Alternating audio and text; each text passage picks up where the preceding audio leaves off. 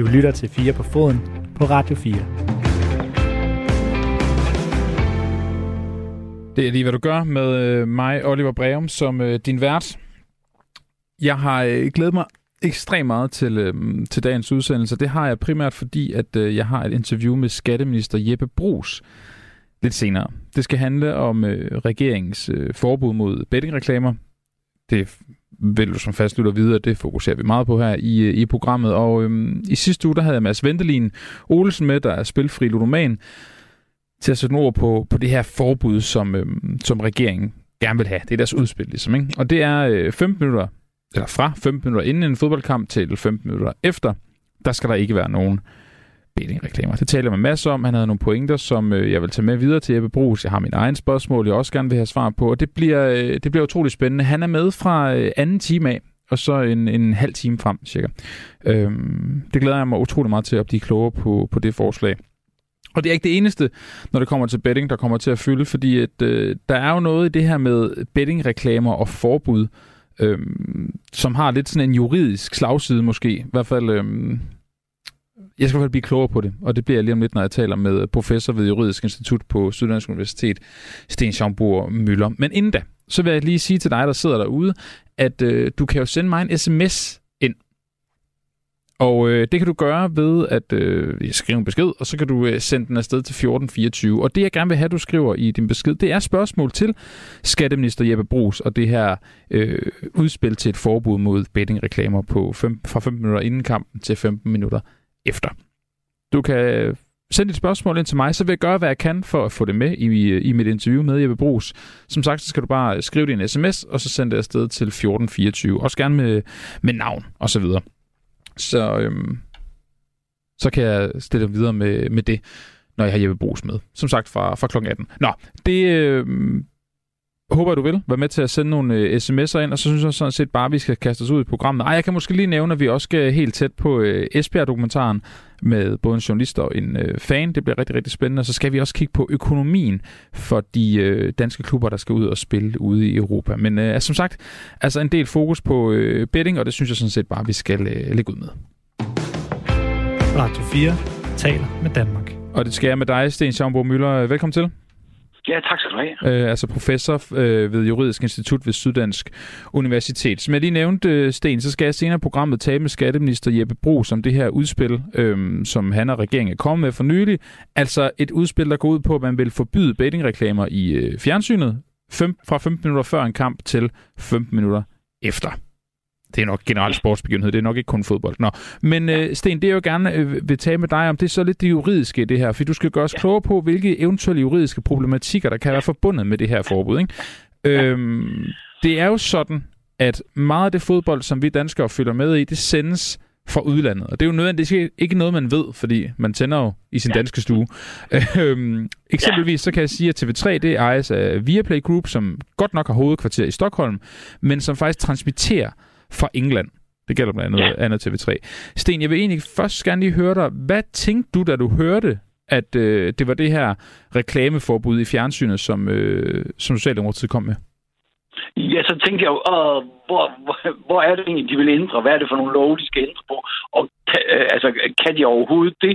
Ja. Øh, og i, i forhold til det sidste, der er der jo det interessante, selvfølgelig, at nu er Storbritannien, altså England, ikke længere med i EU, og det vil sige, de regler, øh, som gælder øh, i EU, og det er for eksempel sådan noget med, at man skal følge afsenderlandet. Altså det vil sige, at reklamereglerne skal følge der, hvor der bliver sendt fra. Og det er jo derfor, TV3 sender fra London, fordi så gælder de engelske regler, som er lidt anderledes og lidt mere liberale, eller hvad man skal kalde det, end de danske regler. Okay. Men nu er Storbritannien ikke længere i EU, øh, og det vil sige, at EU-reglerne gælder ikke for Storbritannien. Så okay, men det, det er jo sådan set ret interessant. Kan vi ikke lige først og fremmest gøre os klogere på, hvad det så vil kræve rent lovgivningsmæssigt at lave jo. det forbud, som Socialdemokratiet ja. gerne vil? Altså, og det man kunne gøre, altså vi har noget, et ret omfattende lovgivning, der hedder radio- og tv-loven, og der er en del bekendtgørelser, som det hedder, altså noget, hvor lovgivningen siger, det kan ministeren nærmere lave regler for, og der har vi ret detaljerede regler i reklamebekendtgørelsen, altså hvornår må der laves reklamer, hvornår må der ikke, og sådan nogle ting. Øhm, og det, det vil jo ret op, være ret oplagt at kigge her. Og der kan man sige, øh, at TV3 er ikke omfattet af loven, fordi dem, dem der er omfattet af loven, det er dem, der, der altså har sendetilladelse osv. fra Danmark. Det er jo sådan noget som DR, TV2, det kan også være Radio 4, øh, sådan nogle. Ikke? Men TV3 er ikke omfattet af loven. Det vil sige, at hvis man nogle, øh, de her regler til at gælde for TV3, ja, så skal man altså gå ind og ændre i loven, både øh, hvem den omfatter, og selvfølgelig, at så skal de, altså de, hvad kan man sige, de egentlige reklameregler, så skal de så specificeres og laves om og sådan. Så der er altså to ting, man skal gøre her i radio- og tv-lovgivningen. Okay, så det vil sige, kan du ej, prøv lige nævne igen. Det vil sige, at de skal ind og ændre i lovgivningen, således at den danske lov også gælder i England, eller hvad? Det kan man vel ikke? Nej, det kan man selvfølgelig ikke. Men man kan sige, at hvis man, øh, øh, sådan som det står, eller lad mig lige starte et andet sted, ja. det er også lidt kompliceret. Altså sådan som det står, nu der står der, øh, hvad for nogle øh, radio- og tv-stationer, der er omfattet, og det er dem, der sender fra Danmark. Øh, og der har man hidtil, altså tidligere, jo ikke kunne sige noget om TV3, fordi øh, Storbritannien var med i EU, og der gælder et afsenderlandprincip, og så må man ikke lave yderligere. Mm nu hvor, hvor øh, Storbritannien ikke længere er med i EU, så kan man jo principielt godt sige, nå, men de markedsfører jo i Danmark. Så nu laver vi regler for, hvordan man må markedsføre i Danmark. Og det må man så gøre ved øh, at omfatte TV3's øh, sendeflade, i det omfang, de sender øh, til Danmark, og det gør de jo, mm. øh, og sige, jamen det er også omfattet af de her regler. Det vil man kunne, øh, uden at komme i strid med EU-reglerne. Det var det, der var problemet, eller hvad man skal sige, udfordringen øh, tidligere, men, men, men det er jo ikke længere en, øh, en, et problem eller en, en stop. Okay, så lige med det her, der er det faktisk måske en fordel, at England ikke er med i EU? Ja, det, det, altså, hvis jeg var skatteminister, så ville jeg lige præcis her synes, at det var en fordel, okay. hvis jeg gerne ville have lavet, lavet spilleregler, undskyld, have lavet reklamereglerne op for TV3, fordi Øh, nu behøver man ikke at bruge altså det, der i, i sådan EU-retlig jargon hedder afsenderlandsprincippet. Altså at man skal bruge de reklameregler, der gælder i afsenderlandet, fordi nu er øh, Storbritannien ude af EU, og så kan man sådan, så falder man tilbage på de almindelige folkeretlige regler, som hedder, altså de almindelige regler, der gælder. Og der, der må man jo gerne regulere, hvis der er noget, der er rettet imod Danmark det er TV3. Øh, markedsfører sig i Danmark, ja, det gør det. Det sender mm. til Danmark, det er på dansk, øh, og så videre.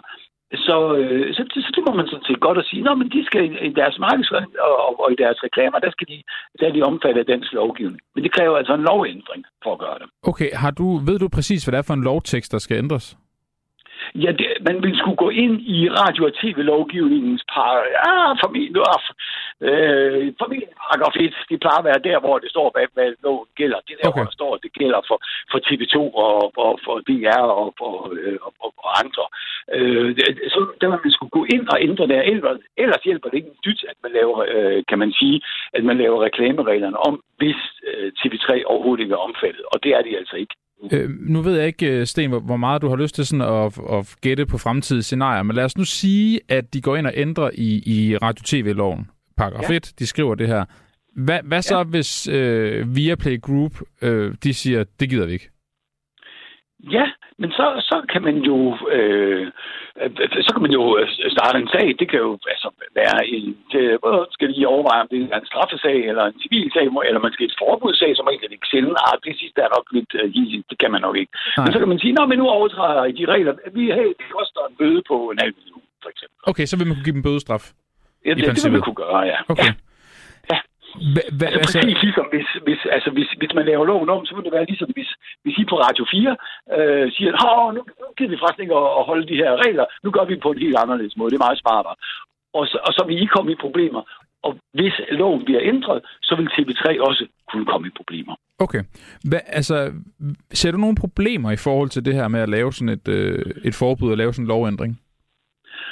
Øh, nej, altså lige først da jeg så det, så tænkte jeg, men der er det, det går jo ikke. Men, men øh, der har jeg glemt det vigtige faktum, at, at Storbritannien er ude af EU, fordi der er jo en, en hel del regler, som, som Danmark skal overholde. Det skal vi selvfølgelig stadigvæk, men ikke i forhold til Storbritannien. Okay, så det var faktisk, det igen, det vender tilbage til, det tror jeg ja. første gang, der sådan for altså ægte er en fordel ved, at de ikke er med i EU, fornemmer jeg. Ja, ja, så det, ja, altså, det, ja, ja, det kan man sige lige præcis her, så kan man altså regulere på en måde, så de danske regler, der skal anvendes, og ikke, øh, ja, de danske reklameregler, der skal anvendes, og ikke de engelske reklameregler. Ja. Sten, nu nævnte du det her med, at der, der jo i forvejen er netop den her radio-tv-lov, hvor, hvor der er andre ting omkring øh, re- reklamer og, og, og markedsføring osv. Altså, ja. er, er der noget lovgivning lige nu, der forbyder, det ved jeg for eksempel, cigaretreklamer og sådan noget? Altså, hvordan, hvordan fungerer den? Ja, altså der, der, der er jo forskellige, øh, altså der er jo i det hele taget forskellige øh, øh, reklameregler. Der er nogle mere generelle reklameregler i den lov, vi kalder markedsføringslov. Okay. Øh, men, og den, bliver, den er typisk holdt på nogle lidt mere generelle ting, sådan noget med, der må ikke være skjult reklame, der må ikke være groft vildledende reklame, sådan nogle ting. Men den går ikke ind og, sådan, og, og detaljregulerer i i, hvordan man må reklamere. Men det gør radio- og tv-lovgivningen, og inklusive den bekendtgørelse, altså reklamebekendtgørelsen, der er altså temmelig detaljeret, ikke? at man må ikke dit, og det skal være 10 minutter, og alle, alle de der ting. Ikke? Okay, men, men i forhold til radio-tv-loven, er der noget i den nu, hvor der er nogle forbud? Altså, Udover cigaretter og sådan noget, og, og ja, ja, jeg kender også på pornografiske ting og sådan noget. Vil også ja, ja, ja, ja, okay. Altså, der er tonsvis, og, og jeg kan ikke huske dem alle sammen, men altså, der er, øh, altså, hvornår må reklamer ligge på i, i fjernsyn? Hvad må reklamer indeholde? Der er forskel på, på Flow TV, der ikke må have politiske reklamer, og On-Demand TV må gerne have reklamer, øh, politiske reklamer, og, og radio, der, det forholder sig så anderledes. Der er rigtig mange regler, så jeg vil sige, når man er en radiostation, station, så skal man altså kigge dem, eller en tv-station selvfølgelig, så skal man kigge dem godt igennem og sørge for, at man, øh, at man overholder. Der er altså temmelig mange regler. Okay, så, så hvis det her forbud skal blive til noget, så skal der øh, ske to ting, som jeg hørte for, ved dig. Der skal ind og skrives bettingreklamer, eller hvordan man nu vil formulere det, skal, skal skrives i, i listen over, over forbudte ting, øh, når det kommer til reklamer. Og så skal man ind og tilføje TV3 på listen over øh, andre kanaler og medier, der står derinde. Ja, ja, altså det, ja, det sidste skal man gøre, og man vil gøre det sådan, hvor man ligefrem nævner TV3. Det var altid et problem at lave lovgivning, hvor, man, altså, hvor der ligesom er nogen, der bliver nævnt. Men så kan man jo sige, at hvis der bliver sendt fra, øh, fra ikke EU-lande øh, til et dansk marked, så gælder de her regler også. Det vil man, øh, øh vil jeg mene, altså uden, uden juridiske problemer kunne gøre.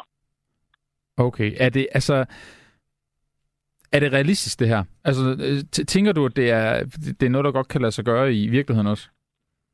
Ja, det er, det er sådan set lige ved at tro, øh, at det er. Nu kender jeg ikke til TV3 som en nærmere struktur. Du siger, at, at, øh, at de har hovedkontor i Sverige, fordi det er jo klart, at, at hvis man altså, lovgiver for, for virksomheder, der ikke er i Danmark, så får man nogle problemer. Hey, hvordan får vi overhovedet fat i dem, hvis der laver et eller andet, øh, der ikke er i overensstemmelse med de danske regler. Men det er formentlig ikke det store problem med TV3. Altså, Nej. hvis man nu havde en sender i Colombia eller et eller andet, så kunne det være, at det var et problem. Ikke? Men det er nok ikke et problem med TV3, øh, og, og, og hvis, hvis de har, øh, er hjemmehørende i øvrigt i Stockholm, som jo er med i EU, så er der jo alle mulige regler, der gælder i forhold til, at, at domme gælder, straffe gælder, alt sådan noget. Jeg, jeg sidder også og tænker på, om, men det, der er du måske ikke som juristen rigtig at svare på det, men om der er nogle tekniske udfordringer. Altså det sidder jeg bare og tænker på nu, for det vil jo betyde, at det signal, som der bliver sendt fra London, det skal på en eller anden måde splittes op, sådan at, at de i Sverige kan få de bettingreklamer, der er planlagt, og vi så får et andet signal, hvor der så ikke er bettingreklamer. Øh, ja, det kan jeg ikke overskue. Nej, men, men, det kan jeg heller ikke, Sten. Det må jeg sige, hvordan man gør sådan noget. Men det, og det er jo, altså, øh, der må man jo bruge, altså det er jo derfor, at det kan være svært at drive en virksomhed, ikke? fordi man jo både skal have forstand på det, virksomheden går ud på, og så skal man i et eller andet omfang have nogle jurister, eller i hvert fald nogen, der har forstand på jura, og sige, hov, hov, det her, det må man ikke. Ja, ja. Og hvordan, hvordan, så må man jo så løse det praktiske problem. Der er, det, der er det godt, vi har dig. Er der, er der andre juridiske hvad skal man sige, udfordringer og problematikker forbundet med det her, som du ser det? Øh, nej, det kan jeg ikke lige se. Altså, øh, øh, altså netop det der med, at som jeg overså lidt i første omgang af Storbritannien, er ude af EU, fordi der er masser af EU-regler, og radio- og tv-lovgivning bygger i vidt omfang på EU-regler. Så er Danmark gået videre på nogle punkter, øh, men der er altså også nogle fælles regler, og, men, men det behøver vi slet ikke at tage stilling til. Nej, okay. Jeg bare sige, når nu er vi tilbage, øh, at øh, må Danmark øh, lovgive på det her, ja, det må man godt, hvis der bliver markedsført noget, altså solgt et produkt eller en ydelse øh, i Danmark, og det gør der, ja, så må man gerne lovgive om det, og, og det, det, kan jeg ikke, det, det kan jeg sådan set ikke se, der er noget problem ved. det jeg så også tænker her, Sten, det er forskellen på de, de forbud, der er der nu, lad os sige pornografiske reklamer eller ja, cigaretreklamer, ja. det er jo, at det er et generelt forbud. Øh, Jeppe Brugs vil ind og sige, det er det her fra et kvarter inden kampen til et kvarter efter, ja. men, men, men ja. det er bare noget, man med, altså juridisk ligesom skal få formuleret på en eller anden måde, så, så, ja. så, så kan det sagtens lade sig gøre. Ja, det kan godt lade sig gøre. Altså, der er jo, øh, altså, der er jo ret detaljerede regler i reklamebekendtgørelsen. Jeg kan ikke lige på stående fod huske dem udenad, men altså, hvornår må blokke, øh, hvornår må der være reklameblokke, hvordan, hvor, hvor, hvor meget må de fylde ud af en mm. time, mm. og alle mulige detaljerede regler. Og der kan man jo sagtens tilføje nogle flere. Sten, nu hvor jeg, jeg lige har dig, øhm, og også har, har god tid tilbage, det håber jeg også, du har. Ja. Jeg ved ikke, om du har planer. Så, øh, så, så tænker jeg, det, det er jo Socialdemokratiets forslag, det, det er det her med de her 15 minutter. Øh, SF, de vil jo gerne ind og også øh, lave regler og stramninger på øh, reklamer, der også er på sociale medier osv. Ja. Er, er, er det en helt anden snak, eller, eller er vi inde i noget af det samme? Øh, nej, det er noget andet snak, fordi der er vi jo typisk ikke inden for radio- og tv-lovgivning. Nej. Altså, så må vi ligesom hoppe ud af den lov, og så må vi sige, hvad, hvad er det så, vi har? Ja, og der har vi jo uh, markedsføringsloven, uh, som blandt andet, hvis jeg lige skal nævne et re- helt relevant eksempel, mm. forbyder skjulsreklame. Og det er jo netop noget, som blogger og YouTuber og sådan, altså, de, de skal, som det er formuleret som et kryptisk, angive den kommercielle hensigt. Og det vil sige, hvis de får produkter tilsendt, som de omtaler, ja, så skal de skrive skrive annonce. Øh, og, og, så, så man kan sige, der, der her er allerede nogle regler, der gælder. Øh, men som, øh, som du måske kan høre, så er markedsføringsloven, altså det er mere sådan generelle regler, øh, sådan, hvordan man sådan overordnet skal opføre sig Prøv at høre, men hvis der bliver reklameret, man må gerne reklamere, men så skal man skrive, at det er en reklame. Og men det må ikke være totalt vildledende, at man, Åh, hvad, hvad kan man lige få at man siger, at nu at du vinder en million, hvis du bruger det her øh, papir eller et eller andet. Ikke? Og hvis man overhovedet ikke vinder en million, det må man selvfølgelig ikke skrive. Sådan nogle ting. Men den der detaljerede form for, øh, for regulering, den kender vi ikke fra markedsføringsloven. Og det, det vil juridisk set, øh, vil jeg i hvert fald som jurist sige, det vil være lidt noget råd at gå ind i markedsføringsloven og detaljregulere på det her område, fordi markedsføringsloven hænger på, på, på de her generelle regler, som vi i høj grad øh, har fra, fra EU. Øh, så der skal tænkes virkelig godt, øh, hvis man skal tænke, hvordan pokker skal man, skal man gøre det, øh, og hvis man skal have, øh, have EU, altså det, det er nok et sted, hvor det kunne være en god idé at få EU med, kunne man sige. Ikke? Fordi det, det vil være meget svært for Danmark at, at regulere det her, hvis ikke der er nogen som helst andre, der gør det. Okay, men kan du, kan du komme lidt mere ind på, hvorfor det er så juridisk øh, mere bøvlet, når det her er sociale medier? Øhm, ja, der, der, er jo, der er flere ting, der, der gør sig gældende. Altså, hvis man, hvis man er en radiostation eller en tv-station, som traditionelt, altså, så har man jo et hovedsæde, og man har, øh, man har en virksomhed, og, og, og, og det kan... Øh, det, kan øh, så, så øh, det, det er sådan inden for den traditionelle lovgivning. Men det er jo rigtigt, at Øh, altså, at, at det som i, i gamle dage, øh, meget gamle dage, ikke, så havde man ligesom altså Danmarks Radio og Statsradio, fordi det var én ting, og så, og så havde man nogle aviser og sådan noget. Men det er jo meget mere blandet nu. Øhm, men det er klart, at sociale medier udgør en udfordring for, øh, øh, for, for lovgivningen, vel, vel af to grunde. For det første, fordi, hey, hvad er det her for noget? Det er noget nyt. Det er jo, mm, det, det, det er jo sådan nogle mærkelige medier, eller det er jo, de er jo ikke særlig mærkelige, men de adskiller sig fra de traditionelle medier ved, at brugere øh, altså, kan, kan lægge ting op. Øh, de stiller mere plads til rådighed, kan man sige, og, og sørger med algoritmer for, at det bliver udbredt og sådan noget. Det er den ene ting, og den anden ting, det er, at, at de er langt mindre bundet til landegrænser, end de traditionelle medier er. Så det er svært, øh, øh, det er svært at lovgive om det der er altså nogle, nogle særlige udfordringer, så, som vel alle lande, så vidt jeg kan se, kæmper med i et eller andet omfang. Sten, øh, jeg, jeg, synes, jeg tænker, at vi er kommet der til, hvor vi godt kan samle lidt op, og det kan vi faktisk gøre med en lytter, der har, der har skrevet et spørgsmål ind, der skriver, man kan vel ikke pålægge udenlandske bettingfirmaer danske regler, medmindre det er tv-radiostationers øh, reklamer. Og det det, jeg tror, øh, lytteren mener her, er det her med, at når noget kommer fra udlandet, hvordan kan man så ligesom øh, tilføre dem dansk lov? Ja. Og det, det, ja, kan man ja, vel, ja. altså, det kan man vel godt, fordi det er jo bare de regler, der så er her, så må de jo ligesom indordne sig, hvis de gerne vil sælge deres produkt, ikke? Jo, præcis, det er det. Øh, altså, vi har en regel i straffeloven, der siger, at hvis det er noget med tekstlyd og billede, hvis det er rettet mod et dansk publikum, og det er jo rimeligt at afgøre, fordi hvis det er skrevet på dansk, så er det det nok mod et Mm. dansk publikum. Øh, så, så skal det følge de danske regler. Øh, fordi det er selvfølgelig rigtigt, at vi kan jo ikke regulere, at nu skal de betale så og så meget skat, eller nu skal de gøre dit og dat. Det er jo oplagt, det kan vi selvfølgelig ikke regulere. Men hvis de markedsfører noget i Danmark, så kan vi regulere deres markedsføring. Og det er jo også det, man ser i andre lande, hvor der er et, et, øh, et ret større, væsentligt større bettingforbud. Der kan ikke være bettingreklamer på trøjer, for eksempel. Øh, fodboldtrøjer osv. Det gætter jeg på er et eksempel på det. Ja. Sten, øhm, og så kan vi jo lige, jeg kan lige samle op igen med at sige, at det er altså radio- og tv-lovens paragraf 1, der skal ind og pilles ved, øh, når det kommer til, øh, til TV3, og så skal man så yderligere i den lov tilføje, hvad hedder det, øh, det her konkrete forbud fra 15 minutter inden til 15 minutter efter. Øh, jeg, kan ikke, jeg er ikke 100% sikker på, at det er paragraf 1, men så Okay. er det i begyndelsen af radio-tv-lovgivningen. Det er begyndelsen. Det er fint nok. Ja, altså, og, og det er rigtigt, at der er de to ting, man skal ind og, og udvide, så den kommer til at omfatte for eksempel TV3, og så skal man gå ind og ændre de regler, man vil have ændret, altså at man der ikke må være betting øh, på de og de tidspunkter. Ja, ja, ja. Så det er rigtigt. Ja, Ved du hvad, Sten Schambo Møller, øh, tusind tak, fordi du var med til lige at gøre os alle sammen klogere på det juridiske i sådan et øh, bettingforbud her. Og god ja, aften. Fint. I er velkommen. Det er i lige måde. Ja, tak skal du have. Ja. Altså Sten Schambo Møller, der er professor ved Juridisk Institut på Syddansk Universitet. Og nu fik jeg jo lige læst øh, en sms op. Jeg kan se, der er kommet flere. Det er dejligt. Der er, der er plads til flere. I kan øh, sende sms'er ind til mig. I skal skrive en besked og sende den afsted til øh, 1424. Og det skal I i dag, hvis I har et spørgsmål til Jeppe Brugs, vores allesammens øh, skatteminister, der jo altså er manden bag og frontpersonen på regeringens øh, udspil om at lave det her bettingforbud. Ja, forbud mod bettingreklamer hedder det, der skal gå fra 15 minutter inden en sportsbegivenhed til 15 minutter efter en sportsbegivenhed.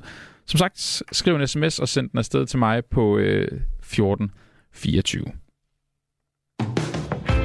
Radio 4 taler med Danmark. Nu skal vi videre til at tale om noget ekstremt godt tv, som jeg gerne vil anbefale jer alle sammen at øh, se. Og det er ikke fordi, det skal blive øh, Oliver Breums øh, tv-klub nu, men øh, det, det er virkelig et, øh, et godt råd herfra. Jeg har øh, set dokumentaren omkring øh, Esbjerg. Leave it. Nej. Love it og leave it hedder det. Øhm, som er et citat, Hyballa, den tidligere Esbjerg-træner, siger i, øh, i serien. Den øh, følger fodboldklubben i FB, den følger fansene, hvis man har set den øh, fodbolddokumentar, der hedder Sunderland Till I Die, så har den øh, uden tvivl det niveau. Du kommer helt tæt på fansene, du kommer helt tæt på administrationen, du kommer tæt på spillerne, og du kommer også øh, ret tæt på, på træneren. Indtil videre i de tre afsnit derude, så er det altså Hyballa, der, er, der stadig er træner i Esbjerg. Det er et øh, spændende indsigt i en klub, der jo har en sæson, der er fuldstændig vild. Øhm, og nu skal vi tale med, jeg glæder mig meget til det her, en af de journalister, der er med til at lave den. Øh, og det er nemlig dig, Jonas øh, Ravnkilde Johansen. Velkommen til.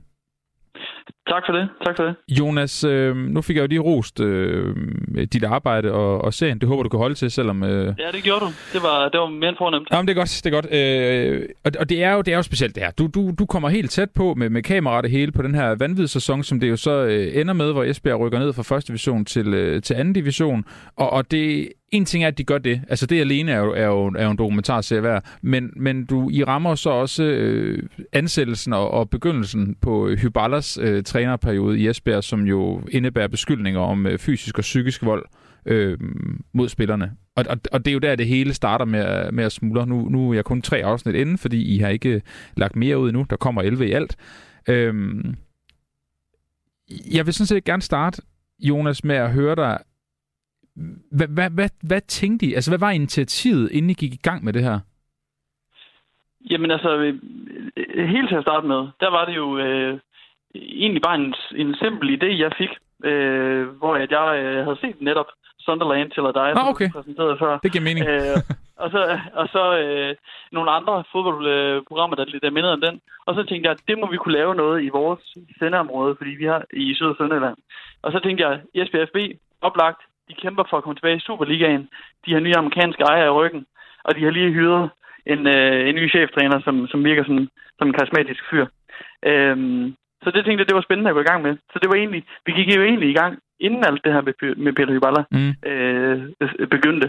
Øh, så vi havde jo en, en tanke om, at vi skulle lave en, en historie, der, der formentlig handlede om, hvordan Esbjerg de skulle rykke tilbage i Superligaen, og hvordan de skulle øh, implementere de her visioner, som de her nye amerikanske ejere de kom med. Men det, det blev så en, en helt anden fortælling, som man så skulle omstille sig på ret hurtigt. Øh, for det skete jo allerede, øh, det var allerede et par uger inde i ansættelsen af, af Peter Hyballa, at de første historier de kom frem omkring øh, anonyme fortællinger af øh, både psykisk og, og fysisk vold. Jeg kunne forestille mig, at der er et storyboard, der er blevet skrevet om et par gange eller to. ja, jeg sad faktisk lige og læste mit pitch, Ja. øh, inden, øh, inden jeg gik på her. Øh, og det var jo, øh, det var jo øh, med, nærmest en rubrik, der hed fra, fra, fra taberby til vinderby, øh, fordi de skulle tilbage i Superligaen igen, øh, og nu skulle alt blive godt. Øh, og det var jo det var en helt anden, øh, helt anden storyboard, ja. Det er du fuldstændig ret i. Har, har du haft øh, svært ved næsten at tro på, hvad det er, du har fulgt? Ja, altså, vi, når jeg sådan ser tilbage på det, så, så, så, så tror jeg egentlig, at, øh, at når man er i det, så tænker man bare, at det her det bliver bare vildere og vildere. Og man tænker bare sådan, øh, hvordan afdækker jeg det her på den bedst mulige måde, så det om et år også har en relevans, og det om et år også øh, giver mening for folk at sætte sig ned og se det her. Mm. Fordi alle medier og alle øjne var jo rettet mod Esbjerg øh, i den periode. Øh, så nu når jeg ser tilbage på det og hører folks reaktioner, så, har- så, øh, så kan jeg godt se, at det har været, det har været helt vildt øh, at være så tæt på, som, som jeg var. Jonas, er du selv Esbjerg-fan? Øh, jeg tror, fan er et stort ord, Okay. øh, men jeg er, øh, jeg øh, er fra området af, så jo, når jeg skal kigge, kigge på dansk fodbold, så, så er det da med en vis, øh, hvad hedder sådan noget, en lille portion kærlighed for, for SPFB. Ja, fordi jeg, jeg tænker Øh. bare, at det, der er noget ambivalent over det der med at, at følge en klub, og, og måske også gerne vil dem noget godt, men så professionelt jo godt kunne se, at den her historie er jo meget bedre, end, end den, jeg havde planlagt. Ja, og øh, det skal ikke misforstås, at jeg, øh, jeg har jo heller ikke øh, tænkt mig at lave et, et, et hvad hedder det, forskønnet billede af, af den her klub, eller det var heller ikke tanken fra start. øh, Det har du da ikke lavet, vil jeg sige indtil videre. Nej, Nej men, øh, men det er, jo, det er jo noget, man skal ho- holde sig for øje. Det er jo, at jeg går ind i den rolle som, som, som journalist og, og forsøger at være så objektiv som muligt, øh, hvilket kan være, kan være rigtig svært i, i sådan en situation, Mm. eller ikke være svært at være objektiv. Men altså, at få tegnet det rigtige billede af sådan en klub i den øh, periode, de står i der, i den situation, de står i, som vi ser i de første tre afsnit her. Øh, men jeg har ikke på noget tidspunkt haft sådan en, en hvad hedder sådan noget, en, en fanhat på, der har gjort, at jeg har holdt noget tilbage. Nej, det, det fornemmer man heller ikke. Jonas, jeg kunne godt tænke mig, hvis du er, er med på det, og, og dykke lidt ned i materien i forhold til, hvad det er for en aftale, I, I har lavet med Esbjerg, og, og hvordan den så rent faktisk udmunder sig i, i virkeligheden. Altså, kan du ikke prøve at fortælle os, hvad er det for en forhåndsaftale, du laver med Esbjerg i forhold til, øh, hvor meget du må filme, og hvem du må snakke med, og så videre? Jo, det kan jeg godt. Øh, lille forbehold er, at øh, kontrakter jo er sådan noget, øh, man ikke altid bare lige udleverer, men, men jeg kan vel godt sige, at vores aftale var, at, øh, at vi måtte være med til det hele, øh, var udgangspunktet. Vi måtte øh, komme ind til møder, vi måtte komme med ned i omklædningsrummet, vi måtte komme med øh, før øh, kamp, eller hvad hedder det, til team talks før kampdage, og til forberedelserne til de forskellige kampe, og hvad vi, hvad vi ellers sådan, sådan ville være, synes var spændende at være med til. Øhm, det var udgangspunktet. Men med, det, med den præmis, at, at folk skulle være med på det. Så det vil sige, at Peter Vivala skulle være med på at lukke os ind, eller øh, de efterfølgende trænere, eller kommersielle chefer, eller hvad de nu ellers er, skulle være med til at sige, jamen vi må godt være med, være med til det her møde, vi må godt deltage i tingene. Øhm, og det, det, det, det, det skaber en konflikt, når det, øh, at for eksempel sådan en som Peter Hyballa siger sig meget sur på danske journalister. Øhm, og det er jo også det, vi viser for eksempel i, øh, i afsnit 2 øh, og i afsnit 1, øh, hvor vi ser en, et klip ned fra kælderen af øh, på Blue Water Arena, hvor spillerne har deres omklædningsrum. Øh, hvor de simpelthen bliver kaldt ned i bussen og, øh, og skal have en alvorssnak med Peter Hybala. Der vil vi jo gerne have været med i omklædningsrummet, men, det er jo simpelthen, men der lukker han i døren og siger, at vi skal ikke, øh, vi skal ikke med der. Så det sætter selvfølgelig sine, øh, sine begrænsninger. Og det, det er et fuldstændig sindssygt øjeblik i, øh, i, i dokumentaren, du, du netop beskriver der. Jeg, jeg, jeg vil godt lige prøve at, at, at hoppe med på den. Spillerne er på vej til en træningskamp i, øh, i Vejle. De går op i spillerbussen, sidder klar. Bliver så ud af det blå kaldt af assistenttræneren ned i omklædningsrummet, fordi Peter Hyballa har noget, han gerne vil sige til spillerne. Øh, så rykker de ned, og man kan høre, øh, du siger, "H- hvad sker der? Hvor skal I hen? Og du gerne vil blive klogere på, hvad der, er, der foregår. Du følger lidt med. Du bliver så bedt om at, at blive bag en eller anden dør øh, som så står åben, og, og den administrerende direktør, øh, øh, hvad hedder Bo Knudsen, kommer så også ned og, og, og får så sagt, at han siger også derudover, at når de er færdige med mødet, så anbefaler han, at de ikke taler med nogen, fordi det hele er ved at eksplodere. Altså, hvad, hvad var det for en oplevelse at stå i som, som journalist og tilretlægger? ja, det er jo ja, det, det er måske en af de, øh, den situation, jeg, jeg husker som, som, som den vildeste oplevelse, fordi jeg jo stod der og havde en kontrakt på, at nu måtte jeg få adgang til det hele, og nu skulle jeg bare ind og, og filme og filme og filme, øh, og så ikke få lov til det. Det var jo sindssygt frustrerende at stå i øh, som journalist, når man jo gerne vil afdække øh, fuldstændig, hvad der er sket. Øhm, ja, fordi jeg fik også, også fornemmelsen af, af et kontraktbrud. Altså nu ved jeg jo ikke, hvordan jeres, jeres kontrakt har været, nu har du forklaret det, men jeg sad nemlig og så den og tænkte, der, der er der et eller andet her, som I, I tydeligvis har måttet i afsnit 1, men som I lige pludselig ikke må i afsnit 2.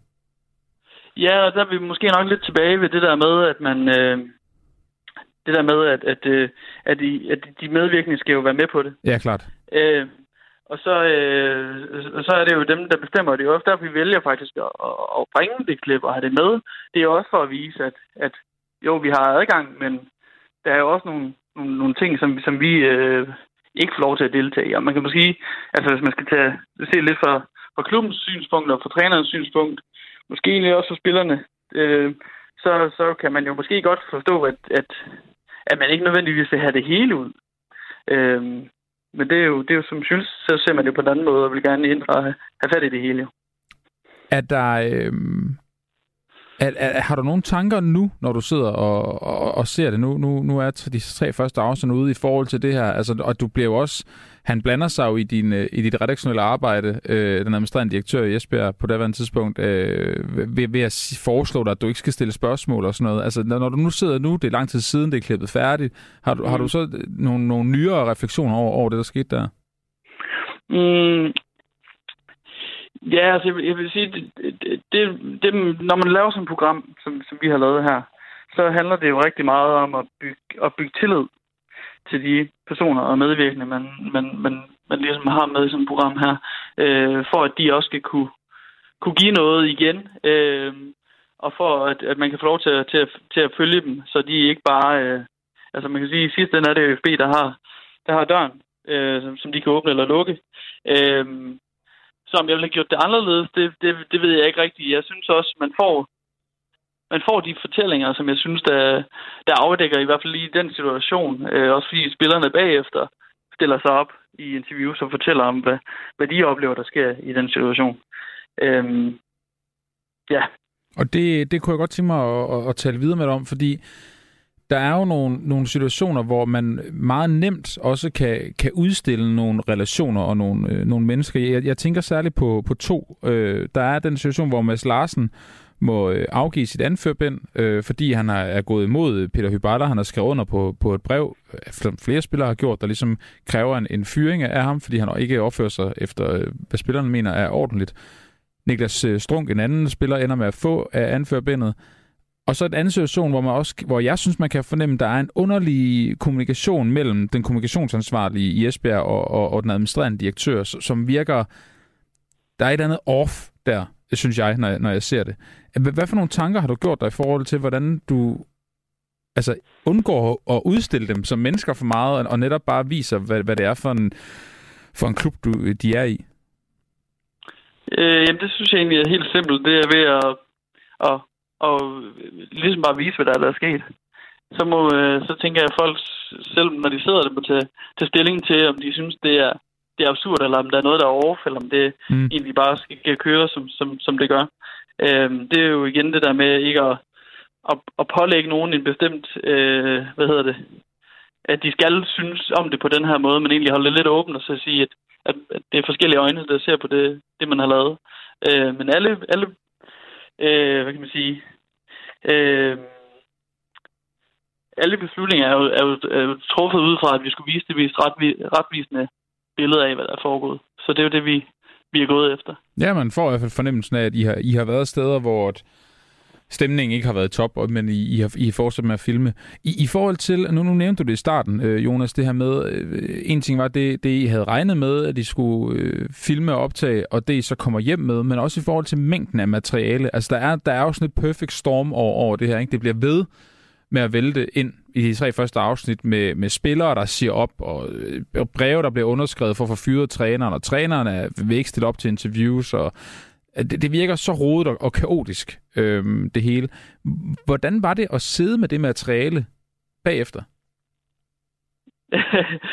ja, det, det, var jo, det var jo ret vildt, og det var også lige noget, hvor vi lige måtte lave nogle forskellige øh, øh tidslinjer, og øh, lige øh, øh få placeret tingene øh, ordentligt i forhold til hinanden, fordi vi har jo filmet rigtig, rigtig meget, både i den periode, men også efterfølgende, som man skulle have, skulle have overblik over. Øh, så det har været sådan et øh, puslespilsarbejde at få det, øh, få det, hvad hedder sådan noget, sat i orden, hvis man kan sige det sådan, øh, hvad, hvad der skulle med. Øh, og vi har jo også øh, skulle gøre nogle svære fravalg øh, af nogle ting, øh, som, som vi også gerne ville have, have haft med. Øh, men det er sådan, at sådan tror jeg, at det altid er, når man laver sådan en, ja. en serie, hvor der sker så mange ting. det, det, det gætter jeg på. Og det er jo øh, det vilde er, at vi to jo kun taler om de tre første afsnit. Der er 11 i alt. øhm, så så det, det er jo helt abnormt, øh, den mængde af materiale, I har, I har fået med hjem. Øh, Jonas, lige til sidst, så kunne jeg godt tænke mig at vende blikket lidt mod de sådan umiddelbare reaktioner. Øhm, ja. Og det vil jeg gerne, fordi jeg kan se på Twitter, at der er øh, altså, tysk interesse for den, og øh, der er en, en britisk gut, der følger dansk fodbold rigtig meget, der faktisk har, har spurgt, om ikke I kan teksten på engelsk. Er, er, er det noget, du har, du har lagt mærke til? Øh, ja, jeg har godt set, øh, set tweetsene, og har også øh, fulgt med. Øh, det var jo helt overvældende, alle de øh, kommentarer og reaktioner, der er kommet på det. det til sidst der mister man også lidt overblik over det. Men øh, det har jo været nogle virkelig gode reaktioner, der er kommet, og som du startede med at indlede. Øh, din, øh, din indledning til, til, den her, til det her tema omkring dokumentaren, der roste jo også til skyerne. Og det, ja, det vi jo, kommer jeg til. Det, ja, og det er vi jo ekstremt, øh, ekstremt glade for, øh, at, øh, at folk gør det. Så jo, jeg har, jeg har set det. Er det, er det, er det noget, I, I kigger på, så I kan få den ud til udlandet hos uh, TV Syd? Øh, det er ikke noget, vi har, øh, har besluttet for at gøre lige nu. Okay. Øh, og jeg tror, det er en, det er en beslutning, der er over mit, øh, mit øh, lønniveau. Øh, og Nej, det er for dårligt. William, og William, den skal, den skal til udlandet, eller hvad den skal. Ja, klart. Ja. Jonas, øh, har der været nogle negative øh, reaktioner på den? Fra Esbjerg måske, men altså fans, hvad ved jeg? Ja, altså det har der da. Øhm, det har jo været sådan, jeg har været spændt på nærmest et helt år øh, på, hvordan tager øh, byens fans, og hvordan tager spillerne og, og administrationen og så videre imod den her serie, som vi, øh, som vi nu laver. Øh, og spillerne har jo øh, har jo ikke haft en stor lyst til at gense de her tre øh, afsnit. Det forstår fordi de har, de har ikke haft lyst til at genopleve den periode. Og nu er de i en situation i, i anden division, hvor de har øh, vundet nogle kampe og spillet sig op i, i toppen af anden division, og det, det kører for dem sådan nogenlunde i hvert fald. Nu tabte de godt lige her i, i weekenden. Ja. Øhm, men så de har, haft, de, har, de har ikke rigtig haft en stor lyst til at, til at se det igen, så det er faktisk ganske få spillereaktioner, jeg har fået der rent faktisk har set den. Øh, men der er så øh, nogle af de spillere, der har set den, som har, har udtalt til mig, at de, øh, at de kunne godt lide øh, den måde, som, som det blev fremstillet på, øh, og, og det blev vist på, øh, hvad der er øh, de første tre afsnit og tiden under Peter Ibala. Øh, nogle af de medvirkende. Øh, for eksempel Stone, han, han fortalte mig, at han var, han var glad for den mm. måde, det, øh, det kom frem på, fordi at han, han havde lidt en oplevelse af, at at det var nødvendigvis ikke var, øh, var den måde, som, som øh, fansene eller som øh, Fodbold Danmark måske havde set det på, øh, fordi det var en masse overskrifter. Øh, og det var også det, nogle fans har sagt til mig, at vi læste jo bare overskrifter dengang, og kunne ikke rigtig lige fornemme, hvad der skete. Men nu får man jo det der indblik som gør, at man lidt bedre måske kan tage stilling til, hvad man egentlig synes. Men det er jo faktisk også noget, I, I skildrer ret fint i dokumentaren. Netop det her med, at der sidder nogle fans ude på lægterne, der har lige så mange holdninger og følelser som, som øh, alle mulige andre i det her. Men, men I skildrer jo faktisk ret fint, at de ved aner ikke, hvad der foregår, men, mens du så samtidig også går rundt og filmer det, der foregår. Øhm, ja, det, det, ja. det, det er ret interessant. Øh, Jonas, prøv at, øh, tak fordi du var med, og, og som øh, overgang til, hvad fansen synes, så kan du blive hængende, fordi jeg har netop en, øh, en Esbjerg-fan øh, med nu her efter dig, så, så kan du høre, hvad, hvad han mener og synes om det hele, ikke? Ja, tak. Det vil jeg da gøre. Og så øh, kan jeg sige, der kommer øh, fem afsnit på... Er det torsdag? Det er korrekt. Og så kommer der de sidste tre afsnit næste torsdag. Det kan man så glæde sig til derude. Jonas øh, Ravnkilde øh, Johansen, tak, Johansen, tak fordi du var med. Selv tak. Og øh, ja, vi går sådan set bare øh, direkte videre. Jeg har fået en gæst i studiet nu, og det fungerer altid bedst, hvis jeg tænder mikrofonen. Det gjorde jeg der. Velkommen til, øh, Buster. Mange tak. Jeg skal sige Emil Kirchner, det er dit fulde navn. Du er øh, journalist, Ja, det er rigtigt. og så er du også øh, Esbjerg-fan. Korrekt. Så...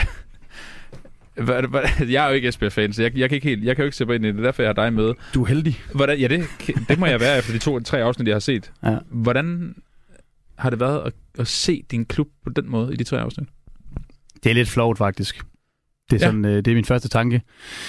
Nu sad jeg lige ude i jeres venteværelse der og lyttede på øh, dit interview med Jonas. Ja. Øhm, og det, det, klubben er blevet sådan lidt et, et, et led i underholdningsbranchen. Mere end en fodboldklub, som man, man snakker om, fordi Mm. de, har, de har scoret nogle fede mål eller vundet nogle kampe. Kan du huske, øh, hvordan du som fan så på det, der foregik dengang? Ja. Hvordan Øh, var det?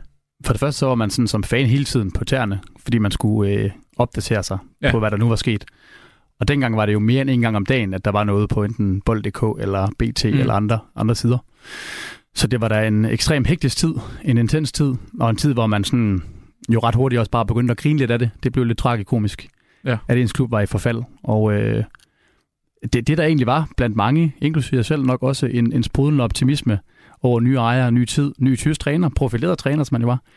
Det endte jo ret hurtigt med at blive kæmpe skandale. Ja, der går ikke meget mere end et par uger jo, så, så ruller det hele. Nej, fordi hvis det er ikke dage nærmest. Præcis, det er jo, det er jo, en, det er jo en kort stund, han er i klubben. Ja. Øhm, få uger, så, ja. så er han ud igen. Så, så ja, det, det er nok de ord, jeg vil putte på det. Øhm, en, en ekstrem øh, turbulent tid, hvor at, øh, ja, fokus gik på alt det forkerte. Det, der jo er så interessant i dokumentaren, og det kan godt lyde som, man udstiller fansene i virkeligheden, men det synes jeg faktisk ikke, de gør. Jeg synes, det, det er ret fint lavet. Det er jo, at at du følger de her fans, der siger sådan noget, jamen, spillerne må også tage sig sammen. Så var den ene træner for doven, så var den anden, anden træner for, for slap. Nu har de endelig fået en, og sådan noget. Hvorfor kan spillerne ikke bare indordne sig og sådan noget? Altså, som jo er, er helt reelle tanker, mm. øh, når man sidder som fan, og jo trods alt er, er udefra i forhold til klubben. Kan, kan du genkende dig selv i det? Altså de der tanker omkring, ej kom nu, øh, og så kan man så se i dokumentaren, at der var måske noget om snakken. Nej, det, det, kan jeg ikke genkende mig Nej. selv i. Øh, den, den holdning har jeg ikke haft på noget tidspunkt. Øh, jeg på det tidspunkt havde også kontakter ind i, i, i klubben og i spillertruppen, og, og vidste en lille smule om, ikke alt selvfølgelig, det, det vil være at lyve, men vidste en lille smule om, hvad der foregik. Og øhm, så, så på den måde har, har de ting, der har været skildret i dokumentaren, ikke overrasket mig. Øhm, jeg blev faktisk lidt, lidt ærgerlig og lidt øhm, ja, en lille smule trist over at høre den her holdning øh, til, at spillerne bare skulle tage sig sammen. Ja. Øhm, det er jo ikke hver dag, der kommer et øh, arbejdstilsyn ud i danske fodboldklubber. Øhm, og da jeg samtidig havde bare en lille fli af indblik i, hvad der skete, så vidste jeg godt, at øh, altså, det er ikke bare det er ikke bare spillere, der skal tage sig sammen. Og, og konteksten her er jo, at Esbjerg tidligere har haft et ry for at have forkælede spillere, og tidligere har, Jamen det er det. Har spillerne lykkedes øh, med at fyre trænerne og komme med, med de her mistillidserklæringer til, til ledelsen. Og så var folk hurtigt ude og råbe vagt i gevær igen. Øh, jeg synes, det er nogle lidt afstumpede og primitive holdninger til Mm. det, at spillerne bare skal tage sig sammen. Altså, det er i forvejen spillere, der er i et ekstremt kompetitivt elitemiljø, øh, og har været det igennem hele deres liv, eller meget af deres liv, ikke? Så, øhm, så nej, det, det, det kan jeg ikke genkende mig selv i. Buster, hvordan har du det sådan generelt med, med dokumentaren? Altså, og, og, og det, den skildrer? Jamen, Altså, gør øh, det ondt, eller, eller er, er, er, er du nysgerrig på... Altså, fordi jeg tænker, det må være, der må være nogle øh, konflikter inde i dig selv i forhold til, hvad det er, der rent faktisk foregår, og hvad der bliver filmet. Mest af alt er jeg, er jeg lidt små flov, faktisk. Okay. Fordi at... Øh, det, det, jeg synes jo til stadighed, det her det er en stor historisk klub, vi har med at gøre, øh, med, med flotte meritter. Og det, jeg helst vil have, at klubben skulle associeres med, det var, det var netop det. Og nu, nu bliver det noget helt andet. Så, så, så for at opsummere det, øh, der, er- der er heller ikke noget, og det er også sådan det brede, den brede fornemmelse, jeg har, når, når jeg sådan hører rundt på vandrørene i, i fanmiljøet. Det har ikke overrasket folk så meget, det der er blevet skildret. Nej. Altså meget af det har, er der blevet snakket om, har medierne rapporteret om, er der blevet sådan, ja, diskuteret rundt om i byen og så videre. Så jo, selvfølgelig er det da interessant, og det er da ikke hver dag, at, at der er nogen, der laver en dokumentar om ens klub. Så på den måde har jeg da sættet utrolig koncentreret mm. og set det her, og været sådan meget, øh, hvad kan man sige, fanget af det. Men, men mest af alt er det, er det, er det, er det flot. Er du træt af, at den er lavet? På, altså, vil du ønske, den ikke var der? Ja. Det vil du? Ja. Og det er, fordi du er bange for, hvilket ry det giver Esbjerg fremadrettet, eller hvad? Ja, det tror jeg allerede, det har, altså klubben har fået det ry, også inden den var lavet. Ja. Altså folk gik jo og glæde til, til den her dokumentar i lang tid. Det må jeg indrømme, det gjorde jeg også. ja, og, og det, jeg er meget glad for, det, det der er kommet. Det, må og det forstår jeg også godt. Jeg havde gjort det samme, hvis det var, hvis det var Hobro, eller hvis det var Randers, ja. eller hvis det var en anden klub. Jeg så også den der med Viborg, ikke? Jeg har Præcis. ikke noget forhold til Viborg. Øh, og den synes jeg også var ekstremt interessant og, og spændende. Øhm, så nej, vi, Esbjerg er der blevet kendt for nu. Øh, altså Genstart, vores største podcast i landet, mm. har lavet noget om det her på et tidspunkt. Så klubben er der allerede blevet kendt for de her øh, tragedier, hvis man kan sige det sådan, skandaler og historier.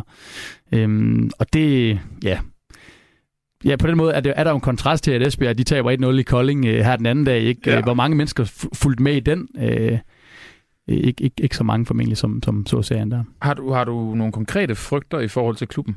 Altså, hvad, hvad det kan få konsekvenser? Hvis nogen, altså.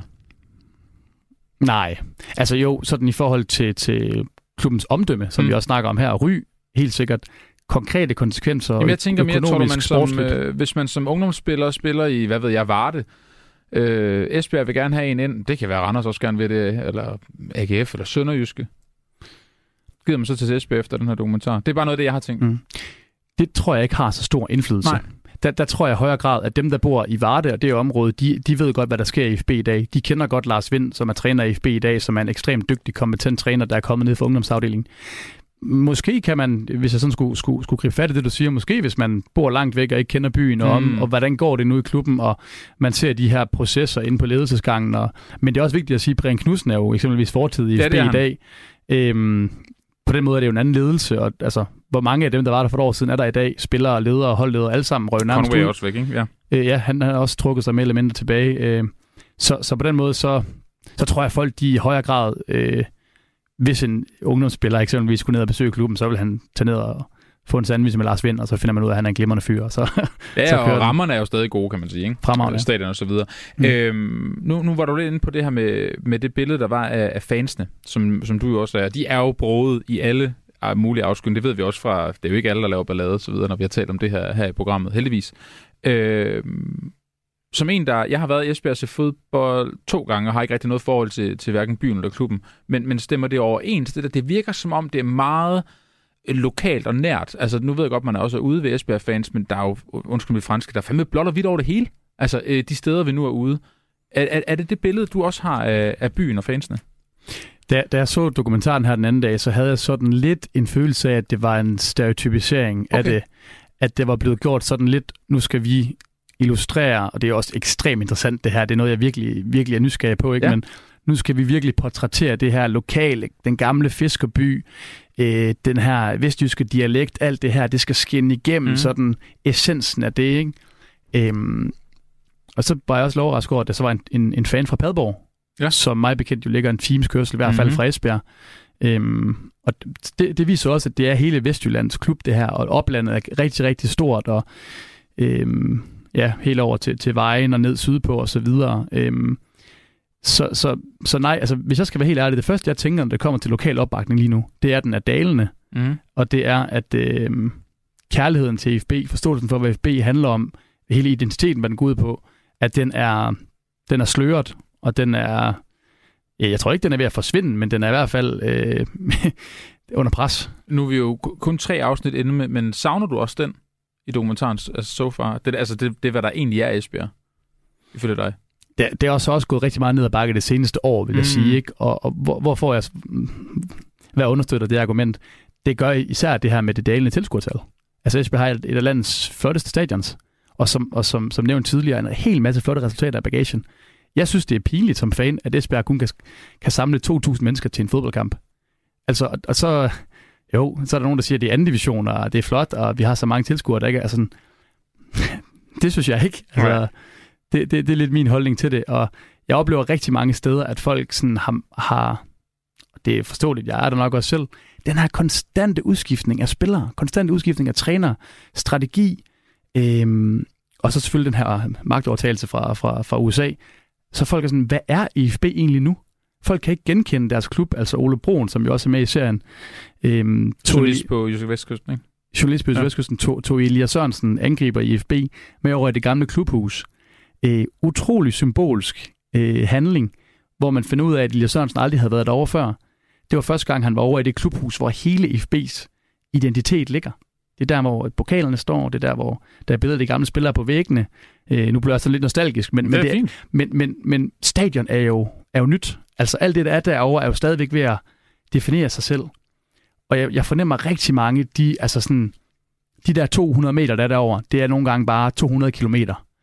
Men er det fordi, fordi man ser det heller ikke i dokumentaren? Altså, Nej. der er jo de her klip fra gamle tider, og der er også nogle, nogle fans, der rent faktisk var der i 60'erne, da, da I vinder tre eller fire mesterskaber i træk, ikke? Mm. Øhm, men ser du det, og hvis vi også har dokumentaren med i mente, at det er et tegn på, at den ikke er der?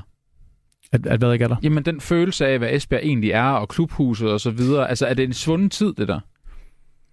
Følelsen. Ja, ja, man, ja, man er egentlig nok mere fan af, hvad der var. Ja. Mm. Man er nok fan af, hvad der var. Og det blev en mega interessant snak, eller kunne vi have det om, hvad er en fodboldklub egentlig, hvad holder vi med? Holder vi med traditioner, øh, historien, Ja, ja, ja. ritualer, alt det der. Men, men, men ja, man holder med det, der var, fordi at altså, det har været så forvirrende. Det har været så øh, tumultarisk, hvad der er sket de sidste få år, at folk er sådan, nå, nu har vi hentet, eller dengang var det sådan en spiller fra, øh, nu har jeg faktisk helt glemt den samarbejdsklub over i England, øh, Nå, altså, en, Det er lige meget. en, altså du ved, man, man har hentet nye spillere fra hele Ja. Europa, nærmest hele verden, ikke? Nogle spillere fra Jamaica. Øhm, der, der har hele tiden været, været, været nye spillere øhm, indenover, og nye trænere, og så på et eller andet tidspunkt som fan, så, så okay, nu, nu ved jeg faktisk ikke længere, hvad jeg holder med. Det er jo trist, synes jeg. Ja. Øh, Bus- Buster, kan du finde noget positivt ved, ved dokumentaren? Jamen, altså det skulle da være, hvis at, øh, at der var nogen, som ligesom altså, begyndte at føle lidt medlidenhed med klubben. Ja, altså, nogen, nogen, no, nej, men Ja. altså, og jeg har virkelig været i tvivl om, og det er jeg egentlig stadigvæk, nu ved jeg ikke, hvor meget tid vi har, men, men Arns Om- om, om jeg skal have medlidenhed med Brian Knudsen og Kenny Poulsen. Øh, jeg kender dem sådan, øh, især Kenny kender ret fint. Eller om jeg sådan skal tænke, hvorfor sagde de ikke fra? Hvorfor gjorde de ikke noget? De er selvfølgelig også ansat. Og jeg har sikkert ageret ligesom Kenny og, hvad hedder han, øhm, Brian Knudsen, Mm. administrerende direktør på det tidspunkt, og sagt, Nå, jeg har en kontrakt, jeg skal forholde mig til, hvad skal jeg gøre? Min chef, han siger sådan og sådan. Men på et eller andet tidspunkt, der er der også nogen, der er nødt til ligesom at sige, nu slår vi i bordet. Øhm, så det er, det er en kompleks sag. Øhm, men for at vende tilbage til min pointe, så er det, øh, så er det, øh, nogen skulle, nu skulle føle, okay, den her klub, den er faktisk charmerende. Ja. Nu begynder vi at holde med den, og det er jo lidt sjovt nogle gange at holde med sådan en klub, der, vi kender lidt fra den der Sunderland-serie, der var, ikke, hvor man, Præcis. de har sikkert også fået nogle fans på, at der var nogen, der tænkte, det her det er en, det er en sjov klub, der, Ja. der er en opbakning til den og lokalt, og nu, nu sejler det rundt ned i rækkerne, og det er jo lidt det samme med FB, ikke? Nu er det på fjerdepladsen i anden division. Øh, det kunne godt være, at der var nogen, der tænkte, vi skal være med i den her klub, det kan være om 5-10 år, så Vi bliver skal det se det. rejsen. Ja, ja. Ja, ja. Det, det kunne man jo håbe. Det er vel også, øh, altså, et modreaktion kunne man jo også forvente. Altså også fra, fra klubben selv, det vil de så nok påstå, de har været i gang med nærmest siden de fyrede øh, Hyperler, ikke? Men, men alligevel, altså man kan vel også tænke, at der kommer noget, hvis de bruger det rigtigt i klubben. At der kommer sådan en, vi skal vise, hvor meget fortid det der der. Ja, ja, så det bliver sådan et, en, en katapult, Ja. man kan tyre ind i fremtiden, og så sige, nå, nu, øh, nu er det nye tider. Ja, præcis. Øhm, det håber jeg virkelig. Ja. Altså, det er mit håb som, som sympatisør med den her mm. klub, at, at det kommer til at ske. Og det Øhm, hænger også dårligt sammen med at tabe i Kolding, det ved jeg godt, men alligevel. Ja, og, og du ved, vi er stadigvæk sådan lige puha, går stadigvæk og balancerer lidt med, Ja. hvor godt går det egentlig, ikke? Øhm, Til allersidst, Buster, vi har lige øh, små to minutter tilbage. Vil du anbefale andre klubber at gå med i sådan et projekt her, som, som fan? øh, ja, det vil jeg. Okay.